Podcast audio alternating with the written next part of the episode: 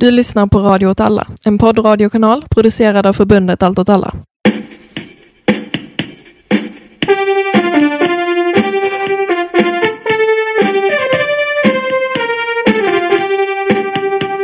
Hej och välkomna till Jordes folket-podden. Välkomna hit. Välkomna. Välkomna. Eh, vi eh, ska ha en gäst idag. Torgny Östling är med oss på länk. Vi hoppas att det funkar bra. Mm. Är Spännande. Mm. Ja, för Torgny är ju då, vi har ju nämnt honom lite titt som tätt. Mm. Eh, men han är ju ordförande för eh, Nordbruk. Mm. Eh, alltså den svenska medlemsorganisationen av Lavia Campesina. Och Torgny är ju själv eh, bonde, eh, bor i Jämtland och har, eh, han har haft mjölkkor och eh, är skogsbonde. Och eh, nu har han ju också släppt en bok. Mm. Som då heter Back to Basics, A Ja. Step Forward. Ja, så vi ska prata med Torgny lite om det som vi har pratat om i tidigare avsnitt. Alltså typ Mm. kapitalliberaliseringsdirektivet som alltid kommer upp. Eh, och andra förändringarna av förändringarna på 90-talet. Och ehm, lite hur det ser ut idag, kooperativ och sådär. Mm. Så lite dels hans egen historia med hur de startade upp Nordbruk, men också ska vi prata om lite av det som finns i, i boken också, eh, Mm. såklart. Och vi kan väl prata lite om upplägget för boken också, för det är ett rätt bra, det är ett väldigt bra upplägg. Eh, vi har ju haft den här boken som eh, bokcirkel i, i Jordet Folket. Eh, Det är ju en blandning av liksom historiska tillbakablickar på lagar eh, och sådana politiska förändringar och så är det också i, bilder från Torgnys marker och Mm. lite så berättelser om Torgnys egna erfarenheter. hur eh, hans bruk har fått förändras med eh, till exempel med de politiska bestämmelserna. Det är ett bra upplägg tycker jag. Det finns ju sex kapitel. Det börjar med eh, då historien då, um, hundra år tillbaka med baggböleriet. Mm. Sen ehm, vad som hände då, eh, hur det ser ut innan eh, förändringarna på 90-talet. Sen går de igenom då dagens system efter de här förändringarna på 90-talet. Och sen då protesterna mot den nyliberala politiken. Och sen så hur, lite hur La Via Campesina fungerar och har arbetat. Ja, och sen sista kapitlet är lite mer, vad gör vi nu? Typ, hur kan vi ta a step forward? Ska vi släppa in Torgny då? Det låter bra. Då ringer vi upp. Då har vi Torgny med oss. Hej Hej. Torgny. Hej, hej. Hej. Hej. Eh, du är ju ordförande i Nordbruk. Eh, Ja. Kan inte du berätta hur det såg ut vid starten? Det startar ju med att en par nätverk gick ihop. Och det nätverk jag var med i, det, vi började med att protestera att man skulle införa lagar som tillät spekulation på jord och skog och vattenkraft och så vidare. Eh, så att eh, det nätverket försökte få stöd då från bondeorganisationer, småbrukare och ekologiska odlare, LRF, att förhindra att den här spekulationslagstiftningen skulle införas. När Som var ett var, krav kan du säga på bara när detta var, Torgny? Det var eh, 1992 och eh, det var krav då från EU att vi skulle gå med i någonting som heter kapitalliberaliseringsdirektivet.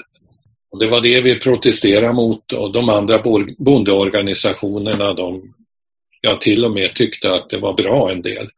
Så att vi hade ju inget, inget stöd alls i Sverige. Så fråga Norsk bonde och småbrukarlag om vi fick gå med där.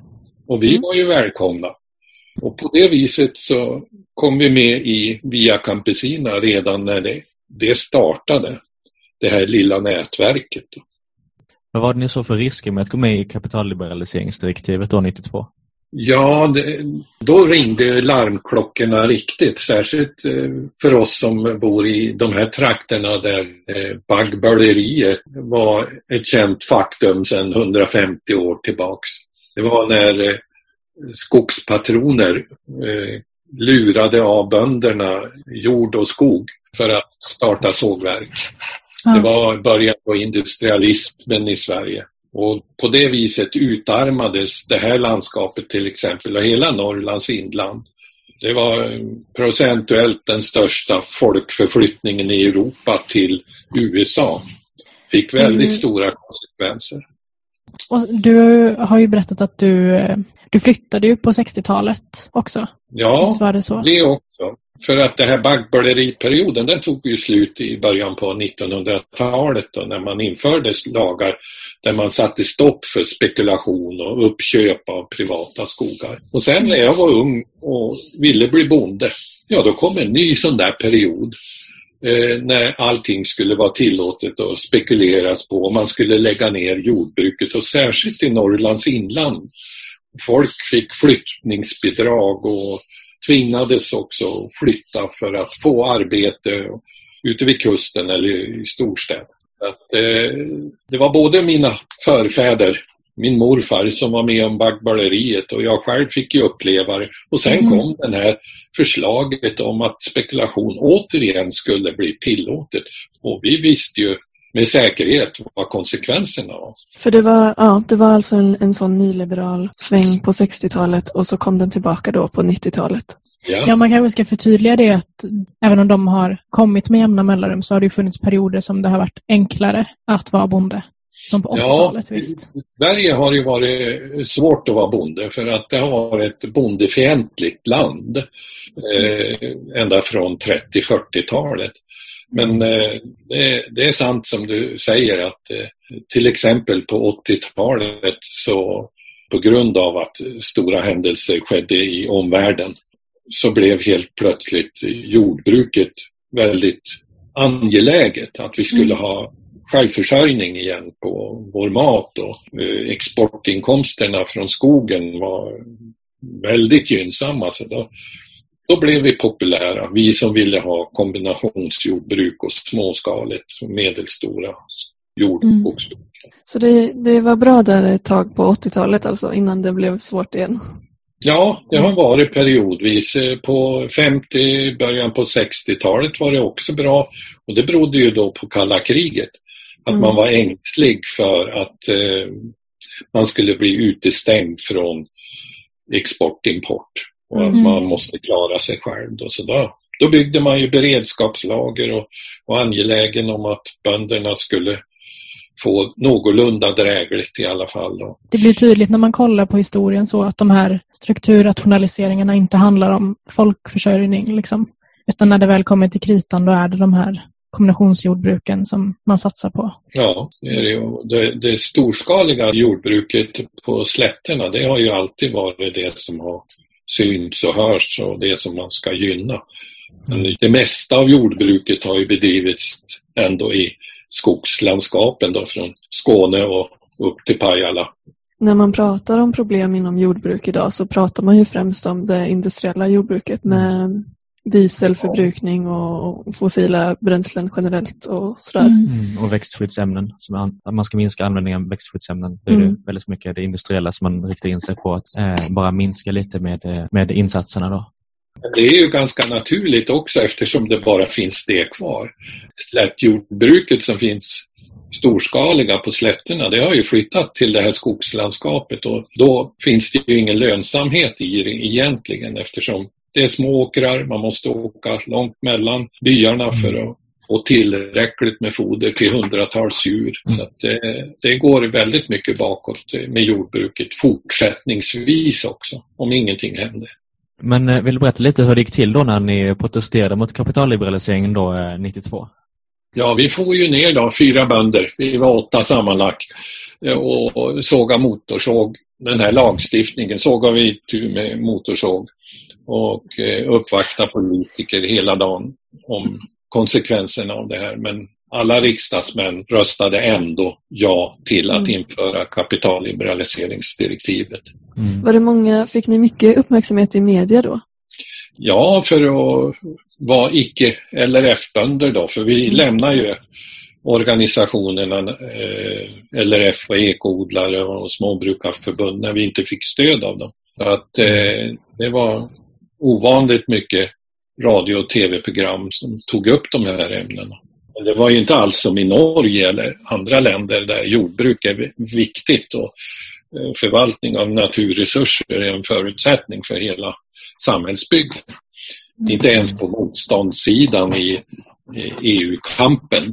Utan det, det var ju att man kom in som en bisats på slutet. Men får jag fråga en liten speciell fråga? Vad hade ni skrivit ut eller, eller vad var det ni sågade is isär med motorsåg? Nej, lagen fanns ju i ett förslag, alltså regeringsförslaget till riksdagen, Ja. fanns ju i häftat material. Men vid det här laget, visst kallade ni er Eight Farmers? Eller åtta? Var, Just var det åtta, så? det kallar vi det. Åtta bönder? Så smög vi där på Drottninggatan då, eh, i skogshuggarkläder vet, och trodde att vi inte syntes. Då.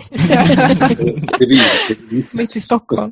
Och de visste ju mycket väl vilka vi var. Ni blev kända där. Ja, vi var ökända i alla fall redan innan. Då. Men jag undrar, eh, du säger att det, det var väldigt lite diskussion för att jordbruket är så litet i Sverige till, till skillnad från Norge. Men skogsbruket är väldigt stort i Sverige. Var det ingen diskussion där om vad kapitalliberaliseringsdirektivet skulle påverka? Ja, skogsbruk är väldigt stort men det är ingen som ser betydelsen vare sig på landsvägarna eller eh, i skogen eller den här produktionen av skog är väldigt undervärderad i, i Mm. Sverige. Du har ju en väldigt bra liknelse, eller inte liknelse, men i din bok så skriver du om hur det, nu får ni hjälpa mig, hur mycket timmer var det? En tre meter bred och tre meter hög stapel. Just det. Och så från Stockholm och ner till Madrid en gång. Just Så när man är nere i Madrid då får man stapla en lika lång trave hem igen. Mm. Ja. Det är en årsproduktion i Sverige. Det är Mm. of, ofattbara eh, mängder. Och tänk då att Finland är en lite, lika stor producent. Att eh, östra Norge, Sverige och Finland det är världens största skogsexportörer. Och just det att det känns som att folk inte är eh, medvetna om det. Eller man är Mm. inte, det är inte frågor som eh, folk är i kontakt med. Jag gjorde ju ett diagram där 1991 eh, för att visa då vad som var på gång med det här direktivet. Vi ville visa hur mycket skogen var värd. Och det var ingen som trodde. Inte ens LRF. De trodde att verkstadsindustrin var den som gav mest nettoexportvärde. Mm. Det var det inte alls. Skogen var ju mycket, mycket mer och är ännu mer idag än vad den var 1991 i betydelse av export av varor från Sverige. Men det är inte tätort, det är inte centrum, det är periferi, det är mörkt om nätterna när man hugger och kör iväg timmer. Och det, det rullar på, tågen här rullar varje dag ner till kusten till fabriken. Det skulle gå genom Stockholm, då skulle folk uppmärksamma det. Mm. Jag kan ta en, en liten bit om bildandet till så det inte blir diskriminering här. Och det är att eh, det var ju inte bara vi i åtta bönder som bildade Nordbruk utan det var ju en falang i södra Sverige också som hade på sitt håll haft kontakt med den här samordningsorganisationen för småbönder i Europa Mm. och eh, ville då att småbrukarförbund och familjejordbrukarna skulle gå med. Men de där två organisationerna de vägrade. Och då fick ju de här åtta bönderna, vi fick ju kontakt med den där lilla gruppen bönder. Och på så vis efter EU-omröstningen så träffas vi i Göteborg en, en dag och bildade ett nytt nätverk då, som vi kallar Nord, Nordbruk som så småningom gick med då, i Via Campesina. Ska vi prata lite om hur ni jobbar i Levia Campesina och när vi är i Europa då, eh, idag? Vad är det för frågor som är, som är aktuella just nu? Ja, det är ju som vanligt när det är ett samhällssystem som är, påverkar jordbruket så blir det ju alla möjliga problem och det är ju EUs jordbrukspolitik till exempel. Det är bilaterala förhandlingar om avtal när det gäller handel och investeringar. Det är ju ett multilateralt avtal på gång nu med Latinamerika, Mercosur, eh, när latinamerikanska länder och EU förhandlar om ett multilateralt avtal. Det är eh, frågor om migration, om flyktingarnas eh, svårigheter och eh, det är ju kopplat till oss väldigt mycket eftersom det är ofta arbeten i jordbruk som, som är deras första anhalt. Eh, sen har vi markfrågor och där är ju då kapitalliberaliseringsdirektivet uppe igen nu då, 30 år senare. Det är väldigt mycket diskussion i Europa via Campesina nu. Det har inte Mm. varit det tidigare. Det är först eh, för tio år sedan man började intressera sig i Europa för, för just naturresursfrågor och eh, förvaltning av jordbruk. Globala Via Campesina, där är det ju alltid aktuellt på grund av den traditionella kolonialismen. Är det där, alltså i relation till EU som det har blivit mer aktuellt i Europa också? Nej, det hade, det hade med EU-inträdet för östländerna att göra. Det hade med det att göra. Vi hade ju försökt få in de här eh, mark och naturresursfrågorna in i Europa via Campesina. Men det var inte så mycket förståelse för det. Det var ju stora konsekvenser här hemma. En stor skillnad mot tidigare. Eh, därför att byarna de började ju bosättas av andra än bönder. Det var inte bönderna längre som hade råd att köpa eh, fastigheter som blev tomma. Det gick ju till mer kapitalstarka personer och eh, det, det misslyckas vi helt med. Men däremot när staterna eh, skulle med och förhandlade med EU att de skulle gå in i EU, då fick de hårda villkor att de skulle då släppa spekulation fritt på jordbruk. Och Polen och öststaterna de är ju mycket mer väl medvetna om matens betydelse så de ville ju inte. De ville ju mm. inte släppa marken till utlänningar eller till spekulation för stora bolag skulle kunna köpa upp marken och så vidare. Så Men de bad om ett undantag då. Och då, de fick det också va? Ja, de fick, Polen fick 12 år, Rumänien fick 8 år tror jag och så vidare. Mm. Och just det där att EU eh, e var så hård och visade av just vad kapitalliberaliseringsdirektivet och etableringsfriheten och så vidare, vad det betydde. Det mm. gjorde att eh, FAO, FNs organ för livsmedel och jordbruk, reagerade. Vad är det som är på gång? Det där liknar ju kolonialism ungefär. Eh, så att FN uppmärksammade och vi samarbetar med FAO och på så vis så kom också Europa via Campesina att bli engagerad i de här frågorna ungefär 2008. Och eh, det blev ett partnerskap med FAO där också 2012. Eh, nu när vi pratar om Europa och du nämnde kolonialism så har ju du ett exempel Torgny som du skriver om i boken också Eh, med vikingar? Det är ju, det är ju Västeuropa har ju en minst sagt tradition av att plundra andras naturresurser och mm. bryta mot eh, mänskliga rättigheter. Och eh, Sverige var väl först där. Vi är ju inte de som inte är kolonialisatörer mm. utan vikingarna de for ju omkring och handlade och tyckte väl att de var bra affärsmän. Men mm när kunderna, eh, när, när affärspartnern i Britannien eller på andra ställen inte var medgörlig, ja då slog man ju ner dem och tog mm. det man ville ha. Mm. Och det är ungefär vad vi fortsätter att göra. Kanske lite mer civiliserat, men principen är densamma. Att det är liksom, eh, om det inte funkar så tar man till något annat avtal ja, istället. Eller du skriver ju också om, jag tror du kallade short circuit det är en rubrik som handlar om kortslutning mellan olika avtal typ. Ja, just det. Att politikerna de ställer sig i spagat. Mm. Eh, de kan ju skriva på FNs eh, bra Eh, riktlinjer och deklarationer om mänskliga rättigheter och att man ska förvalta eh, mark och hav och naturresurser på ett långsiktigt hållbart sätt. Men samtidigt så kan de ju sitta där och köra igenom kapitalliberaliseringsdirektiv och hårda handelsregler och GMO. Och driva en kolonialism, inte bara gentemot södra halvklotet utan också inom landet som i Sverige då. Att mm. man fortsätter det här baggböleriet, kolonialismen från industrialismen, den fortsätter ju idag på precis mm. samma sätt också. Så utan eh, blod och våld då, direkt som på vikingarnas ja. tid, men fortfarande med något slags våld? Det är inte fullt så synligt, det är det inte. Det, är ju därför det måste förklaras. Det är därför vi har tjatat så många gånger om den här samhällsförändringen som skedde i början på 90-talet. Och den fortsätter ju också. Och vi, vi blir ganska less att hålla på och upprepa när vi blir inbjuden att prata om Via Campesina och, och den här samhällsförändringen. Ja, då ska vi på en timme eller ännu mindre eh, dra en sammanfattning av en, ett samhällsbygge som har gjorts eh, under ett halvt sekel.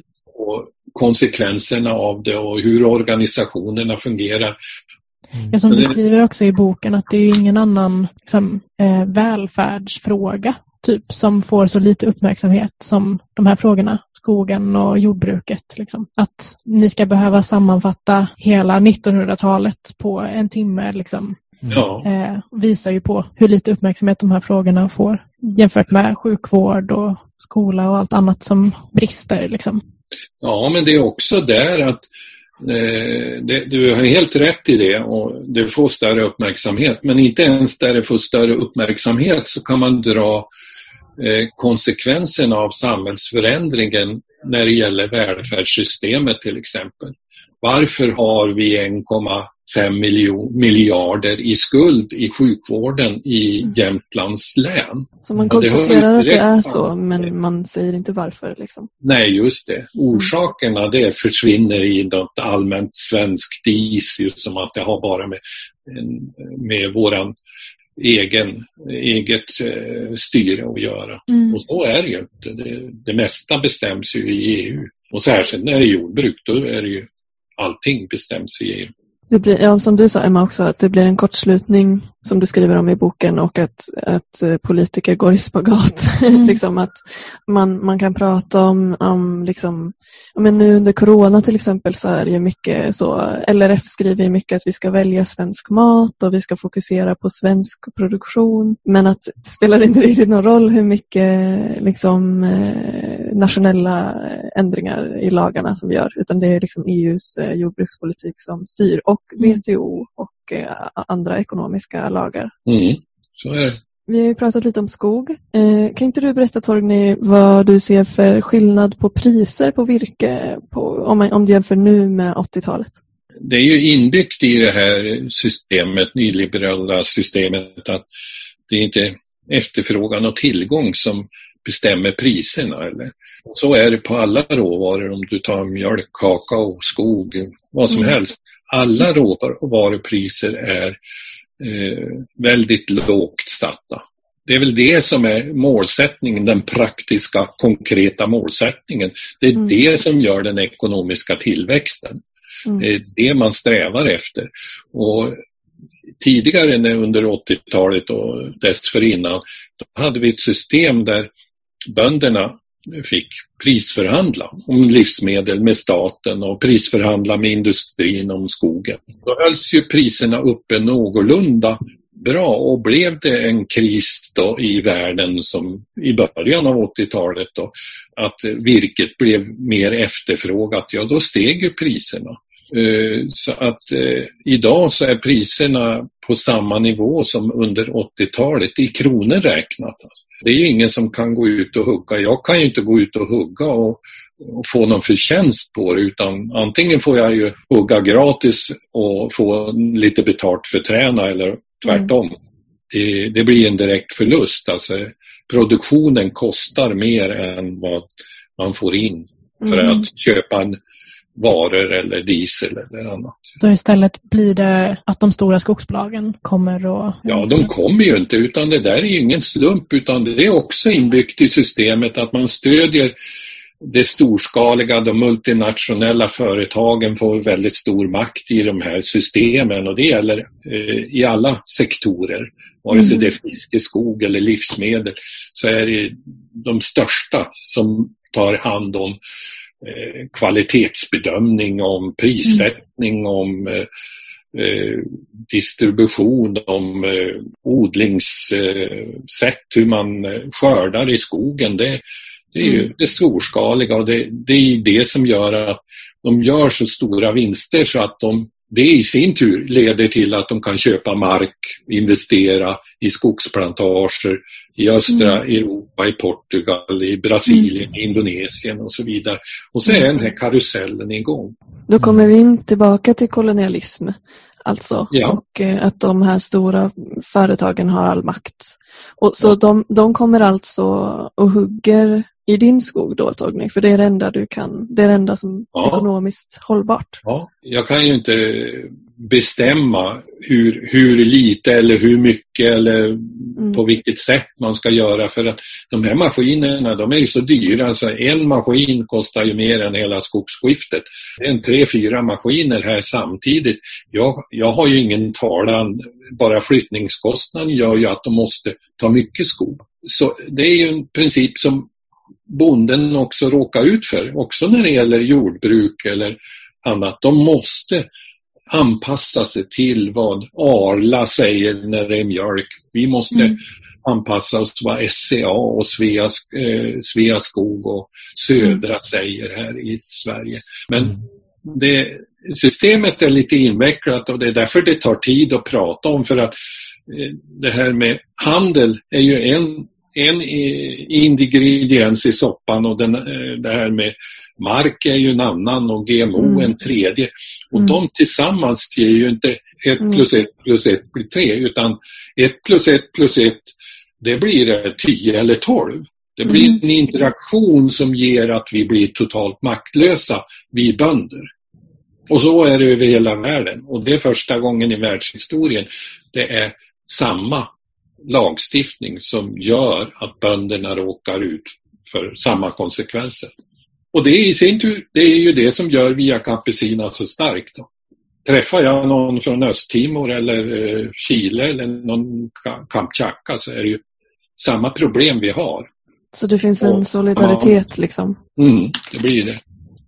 Ja, äh, verkligen både geografiskt men också ifall vi kollar tillbaka på historien för det är ju, som vi pratade om innan så har det ju varit liknande problem med olika sorters av frihandel innan. Äh, och ifall vi då kollar på hur, som du pratade om, dina släktingar gjorde då med, när de startade upp kooperationer, som det också står i boken om. Äh, vill du berätta lite om, om kooperationernas historia?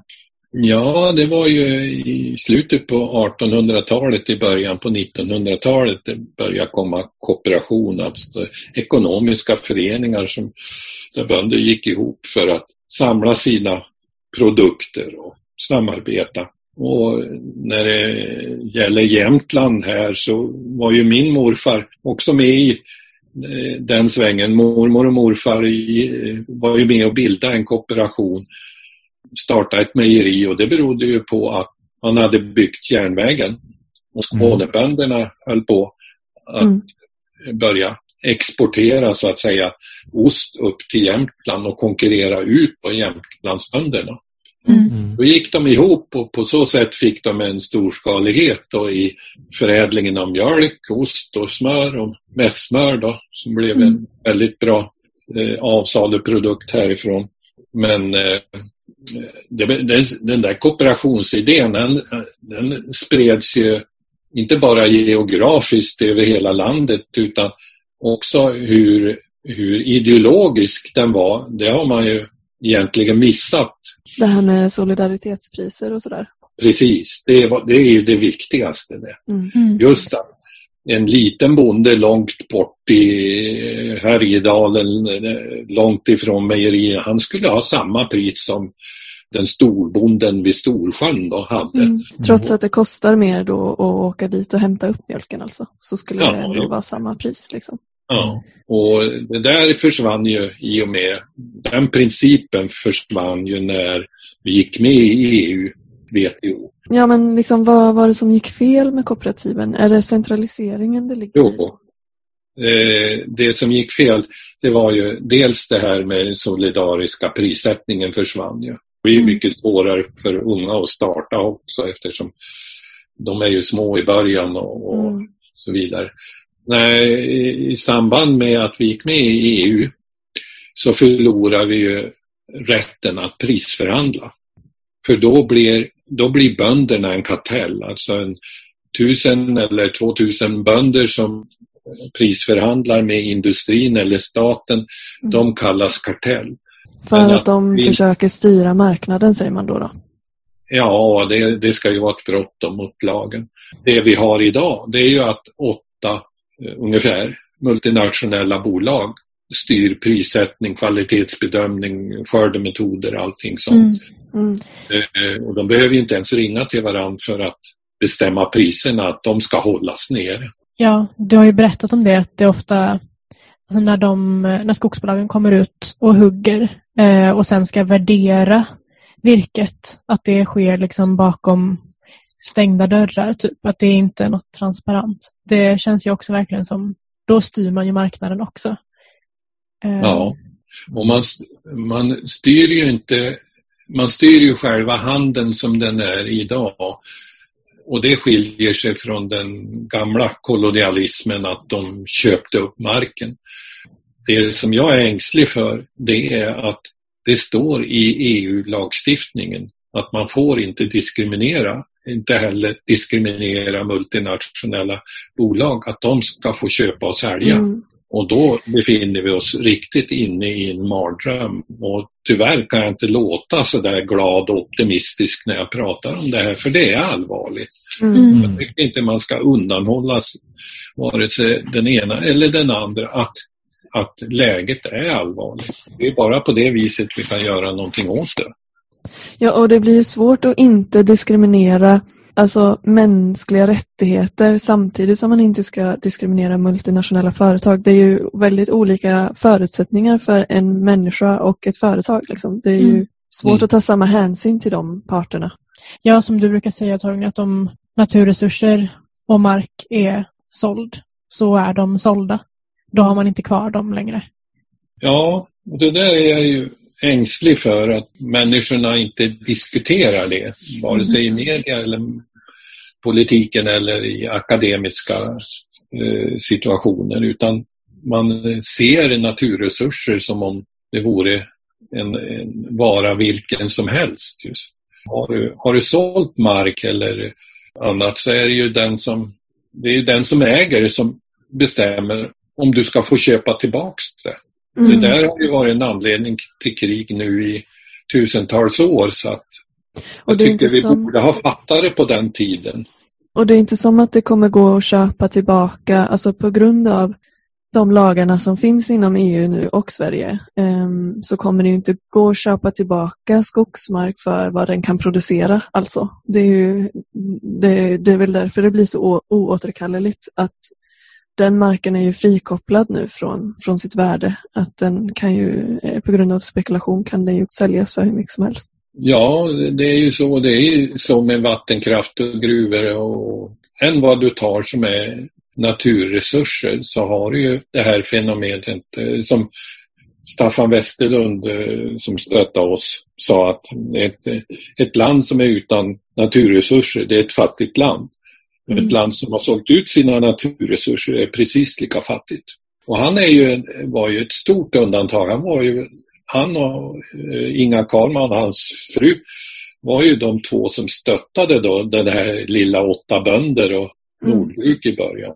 Akademiska kretsar så har man ju först nu på de senaste tio åren börjat prata om agroekologi och matsuveränitet och de här samhällsförändringarna. Men det är, det är mycket sent de kommer in. Jag tänker om vi backar lite till eh, det här med kooperationerna. För när vi gick med i EU, då förlorade bönder rätten att prisförhandla. Ja, Eh, och det påverkade kooperationerna. Men jag tänker redan innan dess så var ju LRF som en, en bondeorganisation med och röstade för att vi skulle gå med i EU.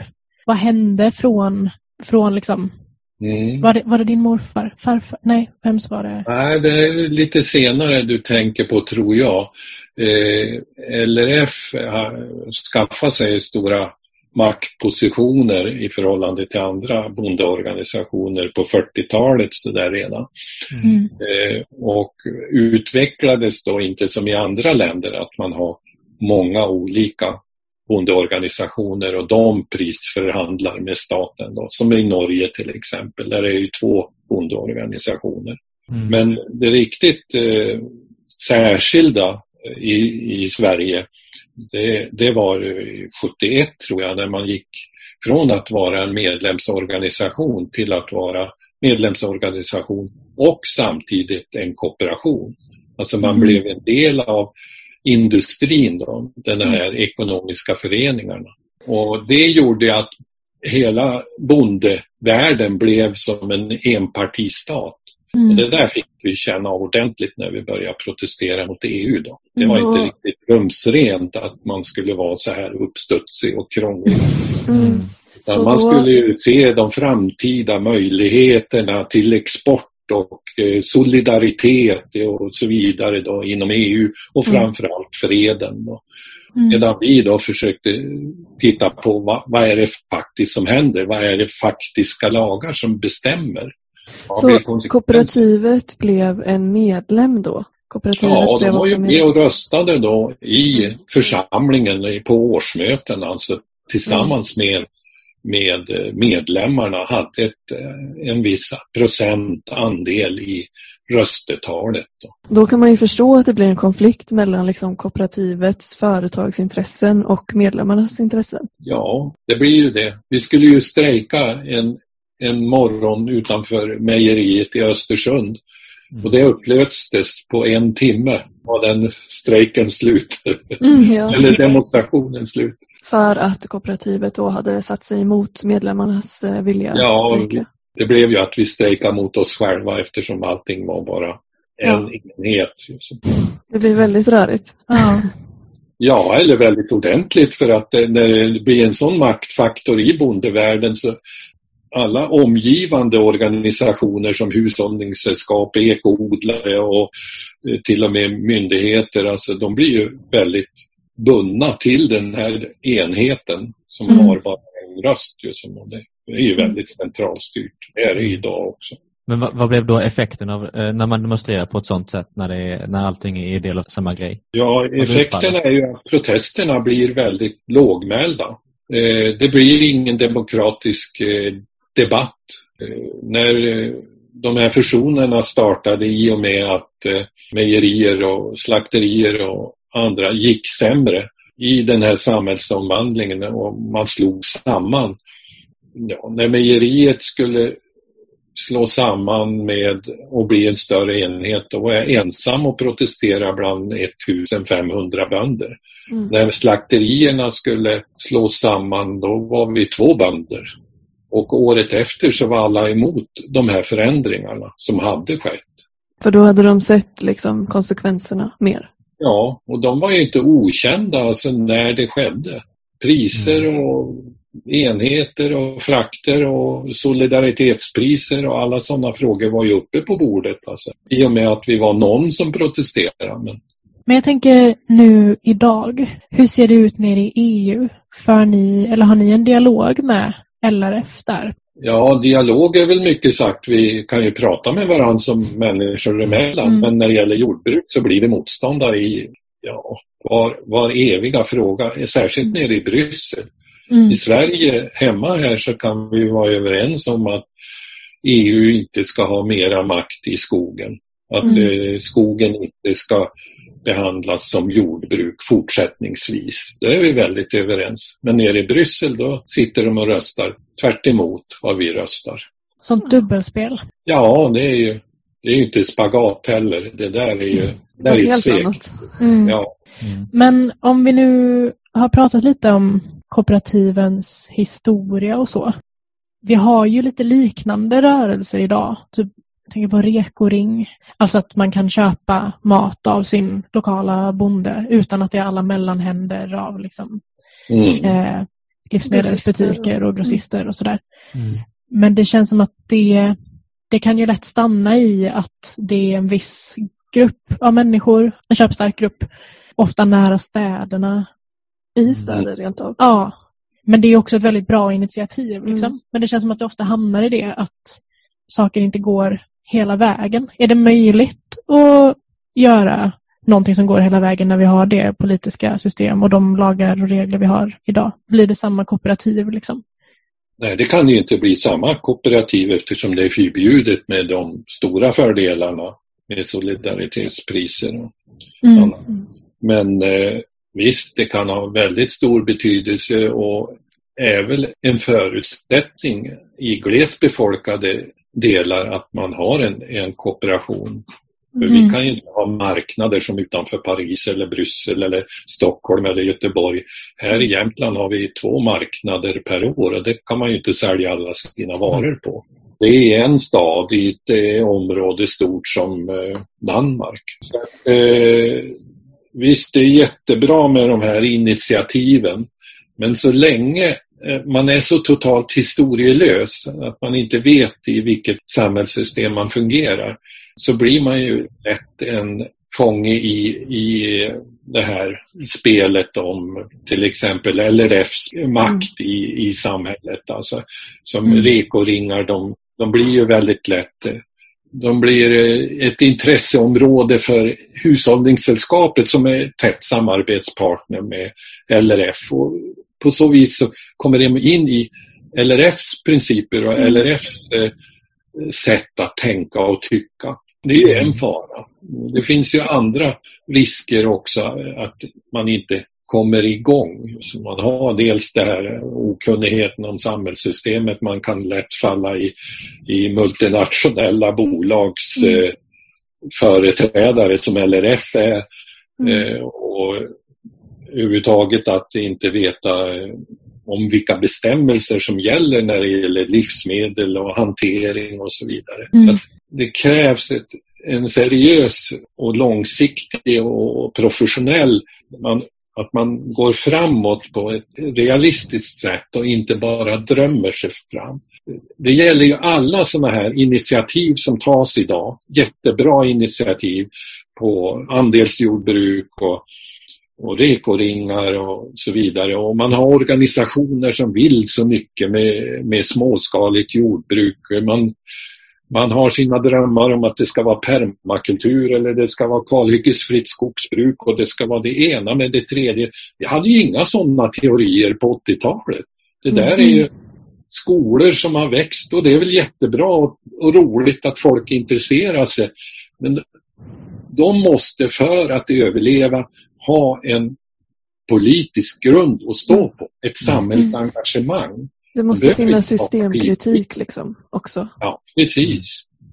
Så, för så som det ser ut nu så är det ju liksom kortvariga projekt eh, från olika städer typ. Mm. Eh, där, det, där man får tillåtelse att odla, eh, stadsodla då, i något övergivet, eh, ja, på någon övergiven oanvänd mark i närheten av stan.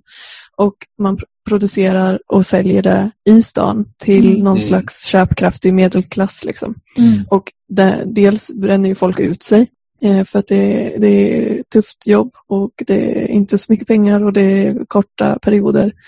Och dels så kommer ju man inte då till den här systemkritiken då som vi pratar om. Att, Mm. att förstå att det här Eh, alltså det lägger locket på lite att det här är ju inte någon slags landsbygd som återupplivas och det är ingen folkförsörjning heller. Och det är också ingen beredskap som du nämner. Men det- är ju en förutsättning för att det skulle kunna bli ett engagemang från det olika håll. Alltså. Och det, det tar vi ju inte tillvara därför att det, det finns så mycket, så mycket energi som offras på att det ska vara så lättsamt, så behagligt. Det ska Mm. inte vara tungt, det ska inte Mm. så vara svårt politiskt att man ska behöva sätta sig in i ett helt nytt eh, samhällssystem med Mm. parlament och råd och EU-kommission och världshandelsorganisation.